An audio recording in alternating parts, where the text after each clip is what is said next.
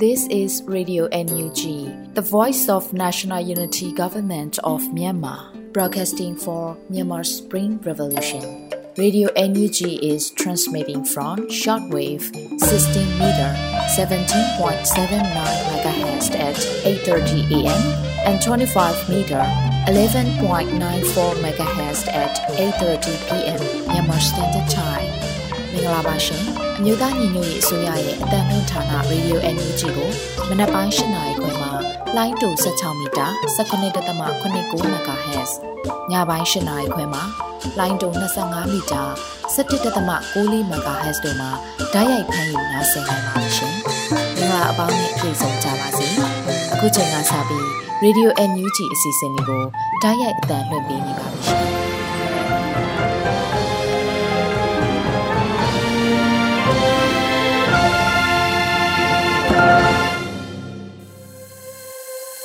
မြန်မာနိုင်ငံသူနိုင်ငံသားအပေါင်းတဘာဝပြီးစစ်အာဏာရှင်ဘီတို့ကနေကင်းဝေးပြီးကိုစိတ်နှပါအေဂျင့်လုံခြုံကြပါစေလို့နှုတ်ခွန်းဆက်တာအပ်ပါတယ်။ဒီကနေ့2023ခုနှစ်ဒီဇင်ဘာလ18ရက်နေ့ Radio Energy ညပိုင်းအစီအစဉ်လေးကိုစတင်တင်ဆက်ပေးတော့မှာဖြစ်ပါတယ်။ခုပထမဆုံးပြည်ရင်းသတင်းများကိုရန်နိုင်ကဖတ်ကြားတင်ပြပေးမှာဖြစ်ပါတယ်ရှင်။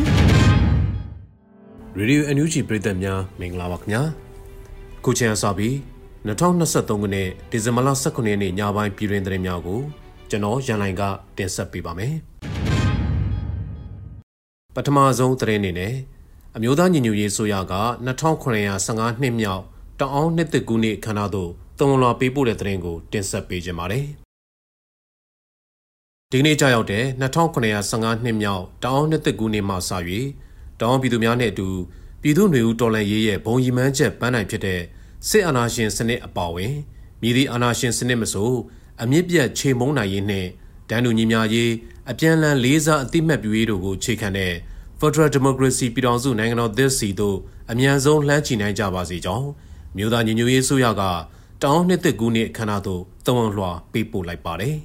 ။ဒီကနေ့မှာကြာရောက်တဲ့ပြည်ထောင်စုဘွားတောင်းတိုင်းရင်းသားတို့ရဲ့2915နှစ်မြောက်နှစ်သက်ကူးနှစ်အခါသမယမှာတောင်းတိုင်းရင်းသားများအပါအဝင် ပြည်ထောင်စုဘဝတိုင်းရင်းသားညီနောင်များအားလုံးလိုလားတောင်းတလျက်ရှိတဲ့ Federal Democracy ပြည်ထောင်စုနိုင်ငံတော်သစ်ကိုစူးစီးညီညွတ်မှုအင်အားဖြင့်တည်ထောင်နိုင်ပြီးကောင်းကျိုးချမ်းသာအဖျားဖျားဖြင့်ပြေဝကြပါစေကြောင်းလည်းတဝန်လွှာမှာဖော်ပြထားပါတယ်။တောင်တိုင်းသားတို့ဟာကိုယ်ပိုင်ပြဋ္ဌာန်းခွင့်နဲ့အမျိုးသားတန်းတူရေးတို့အတွက်အကြမ်းဖက်စစ်အုပ်စုရဲ့ခွဲခြားဖိနှိပ်မှုကိုတွန်းလှန်အားခံပြီးနှစ်ပေါင်းများစွာတွန်းလှန်တိုက်ခိုက်နေတဲ့တမိုင်းအစဉ်လာကောင်းများရှိတဲ့တိုင်းရင်းသားလူမျိုးများဖြစ်ရည်တည်ရရှိတယ်လို့လည်းဖော်ပြထားပါတယ်။ အကြမ်းဖက်စစ်အုပ်စုက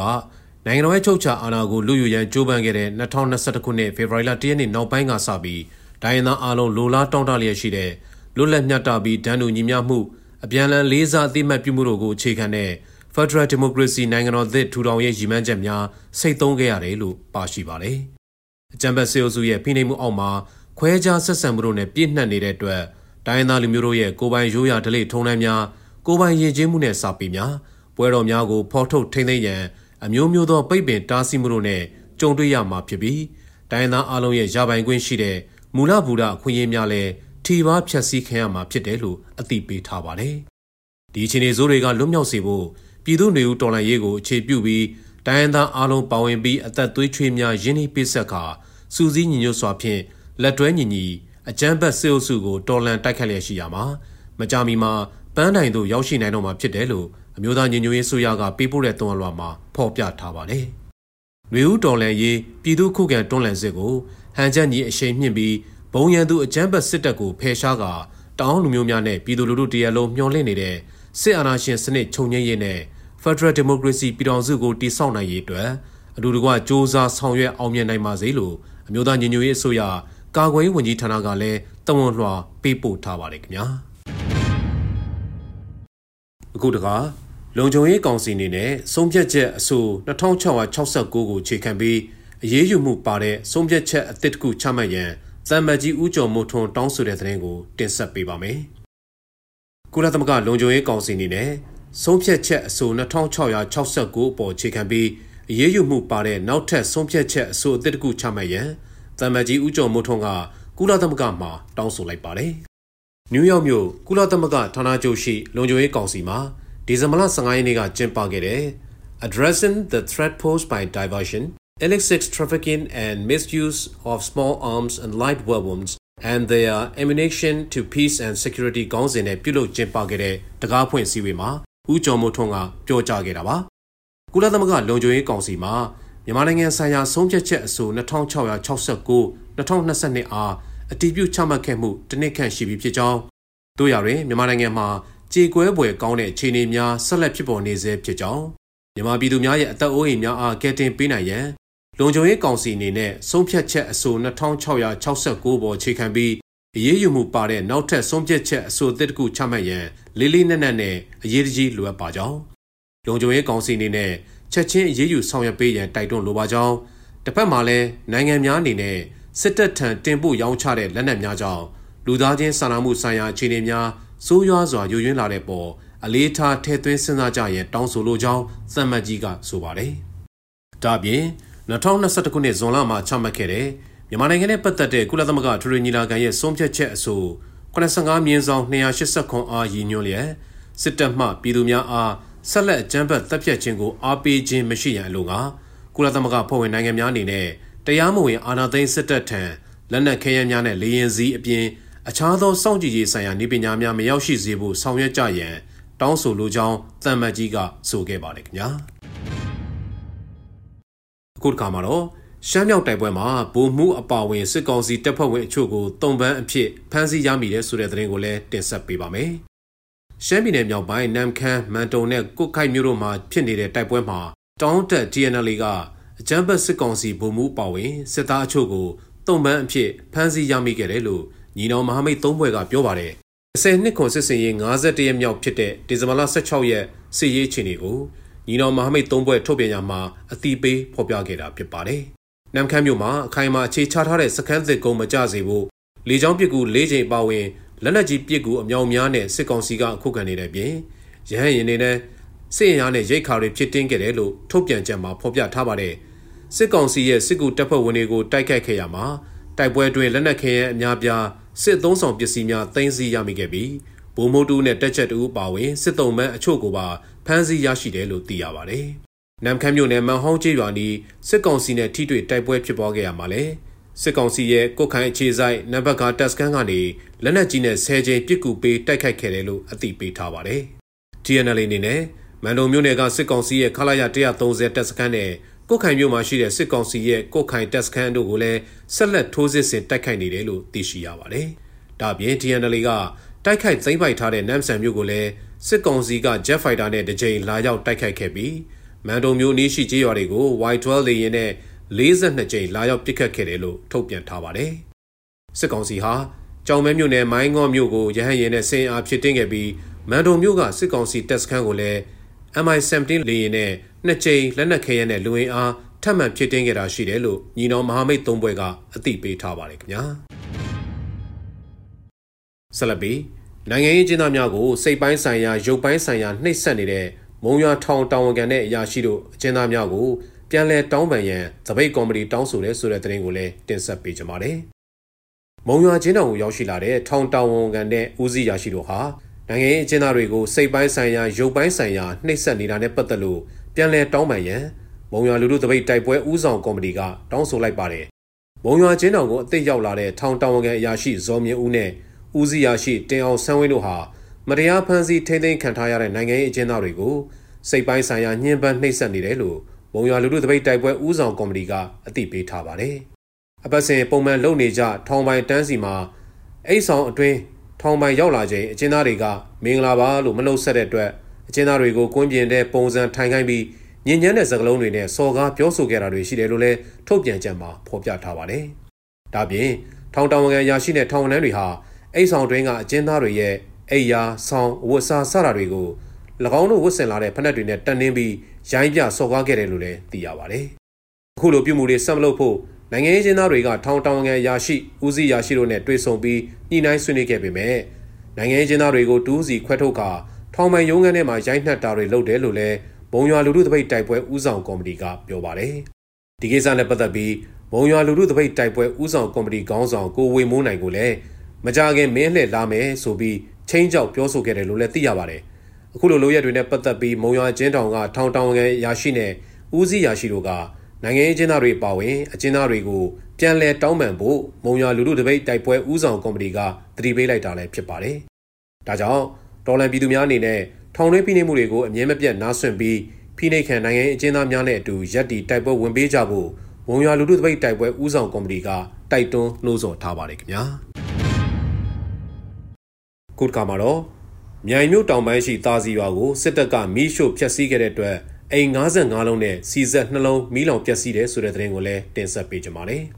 ။မြိုင်မြို့နယ်တောင်ပိုင်းတွဲမရွာပြူစခန်းမှပြူစောတိများနဲ့အကြမ်းဖက်စစ်ကောင်စီတပ်သားများမီးရှို့ဖျက်ဆီးမှုကြောင့်တာစီရွာကအိမ်55လုံးနဲ့စီဇက်နှလုံးမြေဘက်တင်း300ကျော်မီးလောင်ပျက်စီးခဲ့ပြီးစိတ်73កောင်မီးလောင်တိတ်ဆုံးခဲ့တယ်လို့ We Left မြိုင်ကထုတ်ပြန်ထားပါတယ်။ဒီဇင်ဘာလ15ရက်နေ့မနက်ပိုင်းကပခုတ်ကူမျိုးတက်မ101ကနေထွက်လာတဲ့ စစ်ကောင်စီရိတ်ခါရင်ရင်နှန်းနဲ့တွဲမပြူရွာကပြူစောတိတွေပါဝင်တဲ့စစ်ကြောင်းတရက်ကန်ပြူရွာစခန်းကိုစစ်ကြောင်းထိုးလာချိန်ပြည်သူ့ကာကွယ်ရေးအဖွဲ့တွေကတိုက်ခိုက်ခဲ့တာကြောင့်စစ်ကြောင်းမှုပါဝင်20ကျော်သေဆုံးခဲ့တာနဲ့ပတ်သက်ပြီးရှုံးမဲမဲတဲ့အနေနဲ့တာစီရွာကိုအကြောင်းမဲ့မိရှုဖျက်ဆီးခဲ့တာလို့အသိပေးထားပါတယ်။တာစီရွာဟာ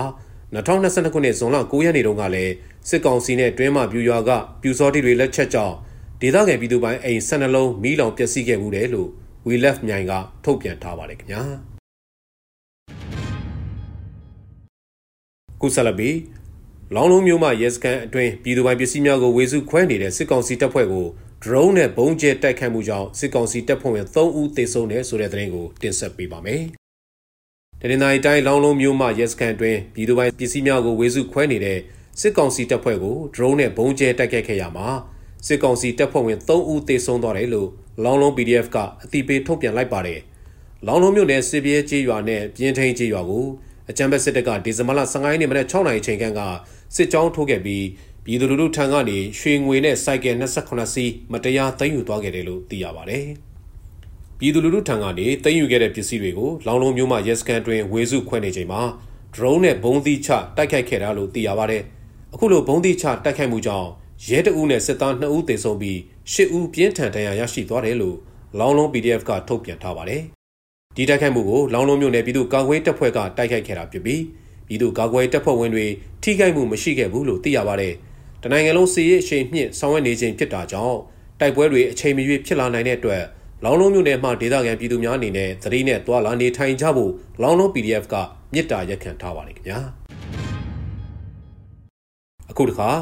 မောရဝတီရေဒစကန်ဌာနချုပ်ကို drone နဲ့တိုက်ခိုက်ခံရတယ်ဆိုတဲ့သတင်းကိုလည်းတင်ဆက်ပေးကြပါမယ်။တင်းနေတိုင်းရေပြမြို့နယ်ကံပေါဒေသအုံမင်ကွင်းကျေးရွာခြေဆိုင်စစ်ကောင်စီရဲ့မောရဝတီရေဒစကန်ဌာနချုပ်ကို drone နဲ့ဘုံချတိုက်ခိုက်ခဲ့တယ်လို့တော်လိုင်းအင်အားစုတွေရဲ့ပြောကြားချက်အရသိရပါတယ်။ drone ဖြတ်စနစ်အများအပြားတပ်ဆင်ထားတဲ့မောရဝတီရေဒစကန်ဌာနချုပ်ကိုဒီဇင်ဘာလ15ရက်နေ့မနက်8:00နာရီချိန်ခန့်ကတော်လိုင်းအင်အားစုပူးပေါင်းတပ်ဖွဲ့တွေက drone နဲ့ဘုံသုံးလုံးချပြီးတိုက်ခိုက်ခဲ့တာဖြစ်ပါတယ်။ အဲ့ဒီတိုက်ခိုက်မှုအတွင်း drone ဘုံးသီးတွေဟာမော်ရဝတီရေဒစကန်ဌာနချုပ်ဝင်းအတွင်းရှိအရာရှိနေအိမ်တွေနဲ့ရုံအနီးကြားရောက်ပေါက်ကွဲခဲ့ပြီး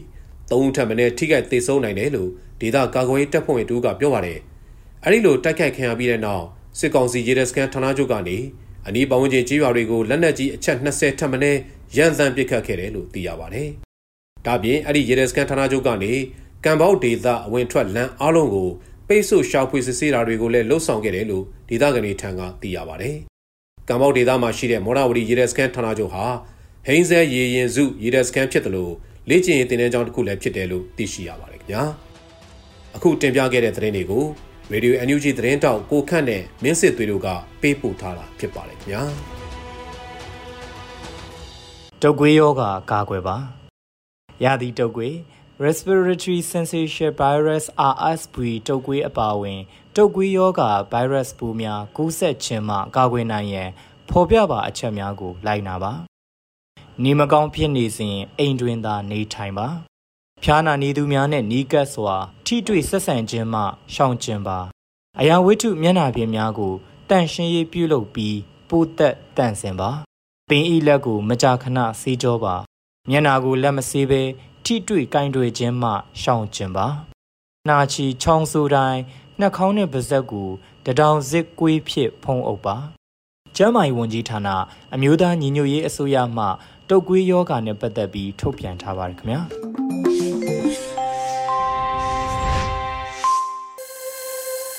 ရေဒီယို NUG မှာဆက်လက်အသံလွှင့်ပေးနေပါတယ် ခုဆက်လက်ပြီးတော်လိုင်းကြပြကဏ္ဍမှာတော့ကိုအောင်မိုင်းရေးသားထားတဲ့ချိုမြတ်မြရက်တစ်ခွက်ဆိုတဲ့ကြပြလေးကိုလွတ်လပ်နှွေဦးကခန်းစားရွတ်ဖတ်ပေးထားပါရရှင်။ချိုမြတ်မြအရက်တစ်ခွက်မျော်လင့်ခြင်းဟာပြားလပုတ်ထဲကပြားရည်ဆက်လူချိုမြတ်မြအရက်တစ်ခွက်ပတ်ဝန်းကျင်ဟာစัจ java လာမှာအိမ်သစ်ဆောက်ဖို့လမ်းသစ်ဖောက်နေလေရဲ့ နှိုင်းရဓမ္မဟာတိုင်းတာလို့ရတာမဟုတ်ဘူးအချစ်ဆိုတာမြစ်ကမ်းတယောက်အတွက်ပုံပြီး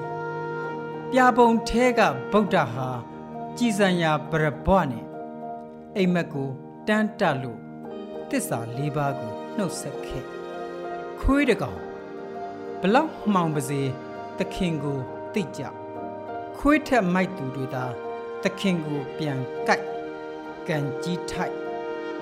အကုန်ဖမ်းကြအကုန်တတ်ကြအကုန်ရှို့ကြတယောက်မှမကြံစီနဲ့ပြောတိုင်းဖြစ်မယ်ဆိုရင်ကဘာကြီးပြက်တာ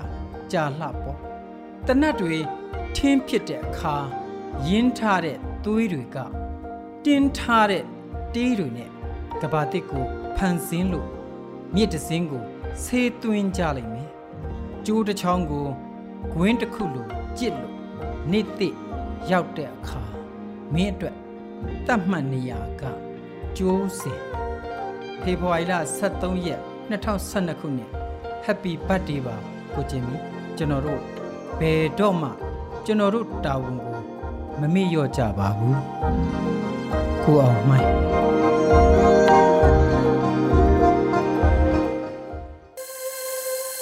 ဗီဒီယို NUG ကိုနားဆင်နေကြရတာပါရှင်ခုဆက်လက်ပြီးစိုက်ပျိုးစီးပွားတောင်သူစကားတဲ့အစီအစဉ်မှာစပားထွက်တိုးဖို့လက်သမားကြီးတွေကိုချင်းငွေထောက်ပံ့မှုပြင်ဆင်နေကြပေမဲ့လက်သမားငယ်တွေရဲ့ထုတ်လုပ်မှုမပါပဲစပားထွက်တိုးဖို့မဖြစ်နိုင်ဘူးလို့ကျွမ်းကျင်သူတွေကပြောဆိုဆိုတဲ့အကြောင်းအရာလေးကိုຫນွေဦးမှုကတင်ဆက်ပေးมาဖြစ်ပါတယ်ရှင်။ Radio NUG ကိုနားဆင်နေကြတဲ့ပရိသတ်များခင်ဗျာ အခုတင်ဆက်ပေးမယ့်အစီအစဉ်ကတော့စိုက်ပျိုးစီးပွားတောင်သူစကားတန်အစီအစဉ်ကိုနားဆင်ကြရမှာပါ။စဘာအထွက်တိုးဖို့လက်သမားကြီးတွေကိုချင်းငွေကြက်ငွေဘီလီယံ40ထောက်ပံ့ဖို့ပြင်ဆင်နေကြပေမဲ့လက်သမားငယ်တွေရဲ့ထုတ်လုပ်မှုမပါဘဲစဘာအထွက်တိုးဖို့မဖြစ်နိုင်ဘူးလို့ကျွမ်းကျင်သူတွေကပြောဆိုလိုက်ကြပါတယ်။ဒီသတင်းကိုမကျေးမုံကပေးပို့ထားပါတယ်။လာမယ့်ຫນွေစဘာရသည်မှာ စံစဘာအသင်းချုံးနဲ့ပုဂ္ဂလိကဘဏ်တွေစုပေါင်းပြီးစဘာအထွက်တိုးဖို့10ဧကအထက်ပိုင်ဆိုင်တဲ့လက်သမားကြီးတွေကိုဧက90အထိစိုက်ဧကတသိန်းအတွက်ငွေကျပ်ဘီလီယံ40ထောက်ပံ့ပေးသွားဖို့ပြင်ဆင်နေပါတယ်။လက်သမားကြီးတွေရဲ့လေယာလုပ်ငန်းလောက်ကင်နိုင်စွမ်းကလက်သမားငယ်တွေထပ်ပိုပြီးလောက်ကင်နိုင်တဲ့အနေအထားမှာရှိပေမဲ့တနိုင်ငံလုံးလက်သမားဥယေ9သိန်းလောက်မှာ 10ဧကအောက်ပိုင်ဆိုင်တဲ့လက်သမားငယ်တွေရဲ့အင်အားကပိုပြီးများနေတဲ့အတွက်လက်သမားကြီးတွေကိုထောက်ပံ့ရုံနဲ့စပားအထွက်တိုးဖို့မဖြစ်နိုင်ဘူးလို့ကျွမ်းကျင်သူတွေကအခုလိုသုံးသပ်လိုက်တာပါကျွန်တော်ကတော့အကုန်လုံးကိုခြုံငုံပြီးတော့စဉ်းစားတဲ့အခါမှာတစ်ဖက်ကလည်းဘယ်လိုများလဲပဲဒီတဲ့ဝင်ပြီးတော့ယင်းဒီပြုံးနေနေတာလားဒါမှမဟုတ်ယင်း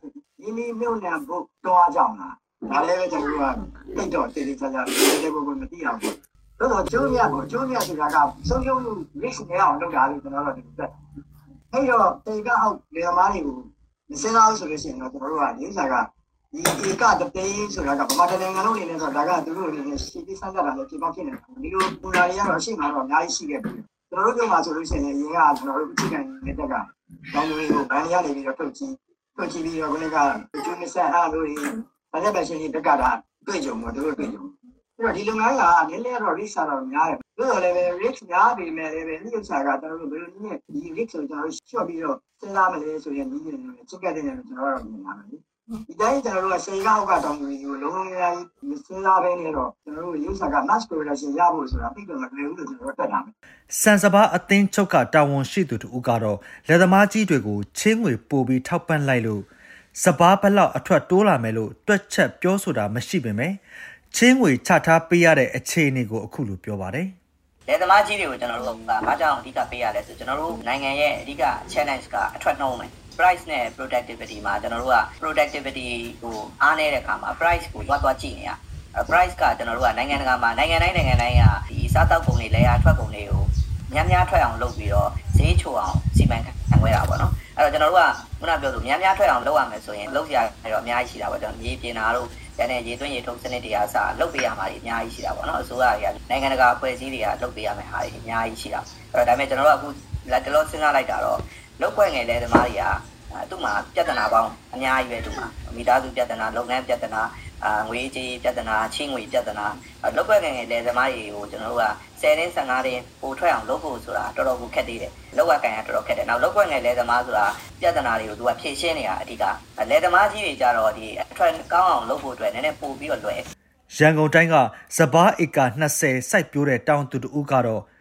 စိုက်ပျိုးစရိတ်ကိုချင်းငါသုံးဆွဲနေရတဲ့လက်သမားငယ်တွေမှာအကြမ်းဖက်စစ်တပ်ရဲ့စီမံခန့်ခွဲမှုအမားတွေကို ခါးစည်းခံရလို့ငွေကြေးရင်းနှီးမြှုပ်နှံမှုအပိုင်းမှာသူတို့နဲ့ပူးပေါင်းဆောင်ရွက်တာမရှိနိုင်ဘူးဆိုရင်လေမဲ့ယာမဲ့ဘဝကိုရောက်သွားနိုင်တယ်လို့အခုလိုသုံးသပ်ပါတယ်။ ဒီစဘာဖိုက်တဲ့ကိစ္စတော့ကျွန်တော်မြင်ပြောလို့ရှိရင်ဒီလိုမျိုးသာဆက်သွားနေလို့ရှိရင်မှဆိုတော့အဲသမားငယ်ဟာဒီသူ့မိသားစုစားဖို့လောက်ပဲသူကတတ်နိုင်တော့မှာဘာဖြစ်လို့လဲဆိုတော့အရာရာကိုသူကအကျွေးနဲ့ဖြစ်ဖြစ်လက်ငင်းပဲဖြစ်ဖြစ်သူကဖြင်းကားပြီးလုပ်နေတဲ့သဘောမျိုးဥပမာပြောမယ်ဗျာကွန်ဆက်ရှိတဲ့လူတယောက်ကစီးဖို့ပဲရှင်းရတယ်သူကကျတော့ဆက်ခါမှရှင်းရတယ်သူအဲ့လိုအဲ့လိုဆိုတော့တကယ်တကယ်ကျတော့ဒီစီရှားပါမှုနောက်ကဥပမာစဘာလိုဟာမျိုးဆိုရင်တော့မှအရင်ကကြားလိုက်သေးတယ်နေကြော်လို့မရဘူးတဲလို့မရဘူးအဲ့တော့ဆန်စည်းကကြီးတယ်စဘာစည်းကမတက်ဘူးတဲသမားစီကထွက်နေစဘာစည်းကပုံမှန်မှရက်နေတယ်ဆန်စည်းကကျတော့တက်တက်တက်တက်လာတယ်ဆိုတော့ရလက်ကပြောမလို့ဆိုရင်သူတို့ဒီတဲ့ဒီပို့ပြီးတော့တင်းရဲပြီးတော့တဖြည်းဖြည်းနဲ့ဒီလေရဖယ်အောင်ဖယ်အောင်ဖယ်အောင်ပေါင်းဖယ်အောင်ပေါင်းအဲ့လိုပုံမှန်မျိုးနဲ့ပဲဖြစ်လာမယ်လို့ကျွန်တော်အဲ့လိုထင်တာပဲဗျာလယ်သမားငယ်တွေရဲ့ထုတ်လုပ်မှုကစားနပ်ရိက္ခာဖူလုံဖို့နဲ့စိုက်ပျိုးစည်းဝါးကိုကြီးစွာသောအထောက်ပံ့ကိုပေးတယ်လို့ဆိုကြပေမဲ့မြမလေယာလုပ်ငန်းမှာတော့ပုဂ္ဂလိကလုပ်ငန်းရှင်တွေရဲ့ရင်းနှီးမြှုပ်နှံမှုကစီးပွားရေးအရာလယ်သမားငယ်တွေကိုမျက်ကွယ်ပြုရတဲ့အခြေအနေကိုရောက်ရှိနေပါတယ်။စပားအထွက်တိုးအောင်ဆောင်ရွက်မဲ့လုပ်ငန်းတွေမှာလယ်သမားငယ်တွေနဲ့လည်းပူးပေါင်းဆောင်ရွက်တာမရှိဘူးဆိုရင် အထွက်တိုးဖို့မဖြစ်နိုင်သလိုလက်သမားငယ်တွေဖွင့်ဖြိုးလာဖို့ဘသူဆောင်ရွက်ပေးမှလဲဆိုတဲ့မေးခွန်းကလည်းရှိလာပါတယ်။နိုင်ငံတော်အာဏာကိုအထမရယူထားတဲ့အကြမ်းဖက်စစ်တပ်ကလည်းလက်သမားငယ်တွေကိုကူညီနိုင်တာမရှိဘဲတိုင်းပြည်ဘတ်ဂျက်တွေကိုအသုံးပြုပြီးဟန်ပြလုပ်ငန်းတွေကိုပဲလက်အောက်ခံမီဒီယာတွေကတဆင့်ထုတ်ပြန်နေတာကိုပဲတွေ့မြင်နေရပါတယ်။စပားစိုက်ပျိုးတဲ့တောင်သူဥယျာဉ်9သိန်းမှာအများစုပါဝင်နေတဲ့10ဧကအောက်လက်သမားငယ်တွေစပားမစိုက်ပျိုးနိုင်တော့ရင် တိုင်းပြည်ရဲ့စားနပ်ရိက္ခာဖူလုံမှုနဲ့အမေရိကန်ဒေါ်လာ1ဘီလီယံနီးပါးရှာဖွေပေးနေတဲ့စံနဲ့စံထွက်ပစ္စည်းပြည်ပတင်ပို့တဲ့လုပ်ငန်းကိုအကြီးအကျယ်ထိခိုက်လာမှာဖြစ်လို့လယ်သမားငယ်တွေရဲ့အရေးကတော့အပြေရှာနေရအောင်မှာဖြစ်ပါတယ်။အခုတင်ဆက်ပေးခဲ့တဲ့မြေပြင်သတင်းအကြောင်းအရာတွေကိုတော့ Radio NUG သတင်းထောက်မှကျေးမုံကပေးပို့ထားတာဖြစ်ပါတယ်ခင်ဗျာ။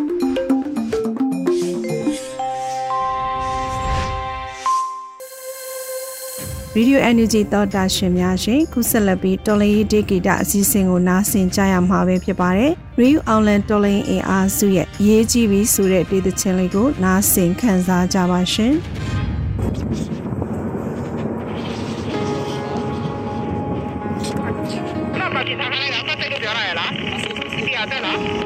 ဟုတ်တယ်ဟုတ်တယ်ဟုတ်တယ် first aid အဲ့အရှိအ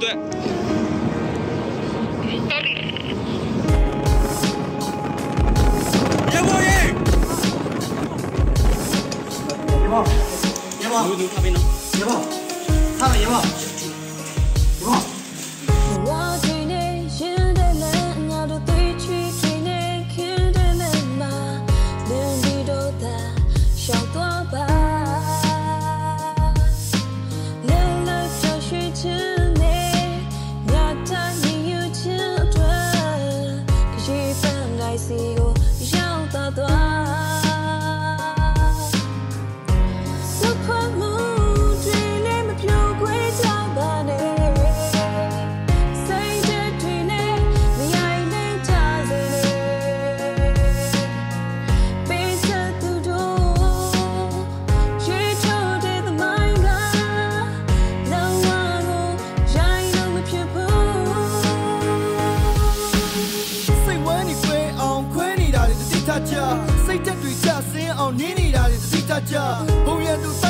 မဲ့ချိန်မှာဝေစုခွဲနေတဲ့ရထကနာရေးကြည့်တဲ့ချိန်ကိုရောက်မှတိုင်မဲ့နေရင်မလွယ်ဘူးဗျ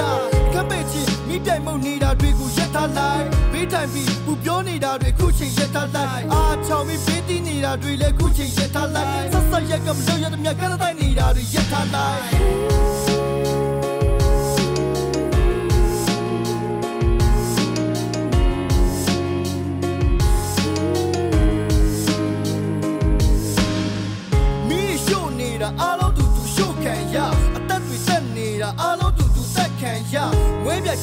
တော့အားလုံးတူတူမွေးပြချနိုင်ငံရေးဆိုတာငါတို့နဲ့မဆိုင်ဘူးပြောပါနဲ့ဗျ proposal တွေတင်ပြီးကိုချိုးရှာတယ်မလုပ်ပါနဲ့ Facebook စာမျက်နှာပေါ်မှာနာမည်ကြီးချင်တာတွေမလုပ်ပါနဲ့မိစားတစ်ပတ်ရေမို့တစ်ပတ်နဲ့ဟိုရှုပ်တီရှုပ်မလုပ်ပါနဲ့တော်လည်းရေးကြီးဆိုရှီကြောင့်ဖောင်းတူတာတွေမလုပ်ပါနဲ့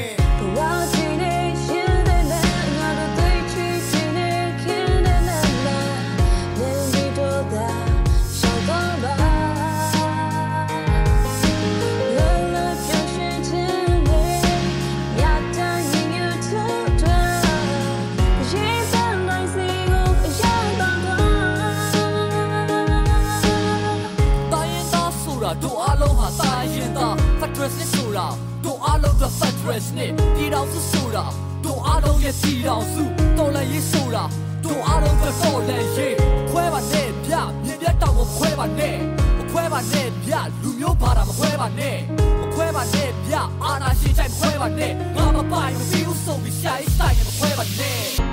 Super moon dreaming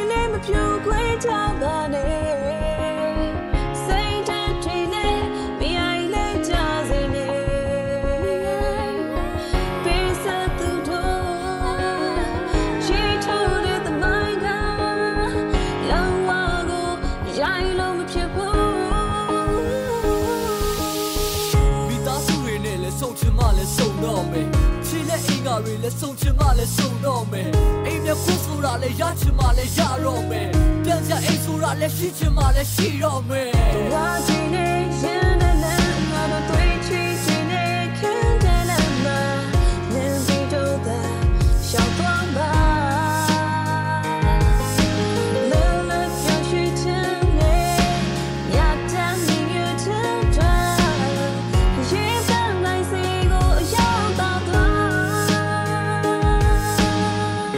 ဆက်သွားငါတို့ကြောပေါ်နေပြီးဆက်သွားတက်သွားငါတို့ခုံးပေါ်နေပြီးတက်သွားပေးဆက်သူတို့ခင်းတဲ့လမ်းမှာအမျက်မထုတ်မိအောင်တတိထားတော်လည်းရေးပေါ်ယူသားသူမြက်လေးကတက်သွားနေလျှောက်သွားပြဿနာပေါ်တောက်ချောက်ထောင်ချလို့စားနေတာမြည်ကြည့်လိုက်ခင်းဆက်ဆက်ချင်းချင်းဆိုတဲ့တိတ်မှချမ်းပြီးထားခဲ့လိုက်ယူတဲ့စိတ်တဲ့တွေးကိုတင်းတဲ့နာဂတိကိုမျောကြည့်လိုက်စမိတ်စာမျိုးစနစ်စိုးကိုမြက်ကလမ်းပြီးချိုးပြလိုက်ရေးကြည့်ပြီးရေးကြည့်ပြီး Whoa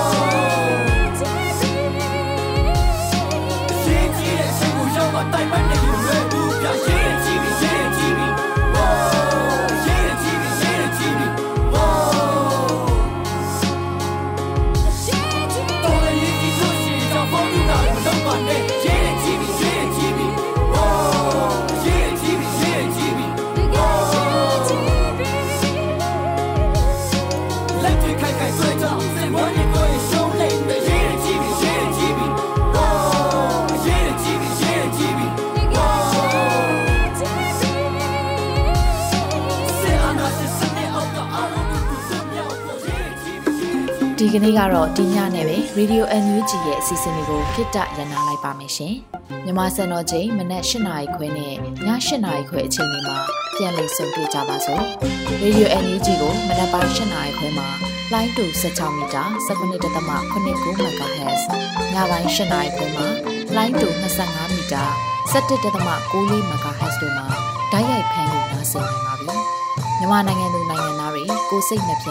ကျန်းမာချမ်းသာလို့ဘေးကင်းလုံခြုံကြပါစေလို့ Radio NUG အဖွဲ့သူဖွဲ့သားတွေကဆုတောင်းမေတ္တာပို့တာနေပါတယ်ရှင်။မြေသားညီမတွေအစိုးရရဲ့စက်တော်ရင်သတင်းအချက်အလက်တွေလူပညာဝန်ကြီးဌာနကထုတ်လွှင့်နေတဲ့ Radio NUG ဖြစ်ပါတယ်။ San Francisco Bay Area အခြေစိုက်မြန်မာမိသားစုတွေနဲ့နိုင်ငံတကာကစေတနာရှင်တို့အားပေးနေတဲ့ Radio NUG ဖြစ်ပါတယ်။အရေးတော်ပုံအောင်ရမည်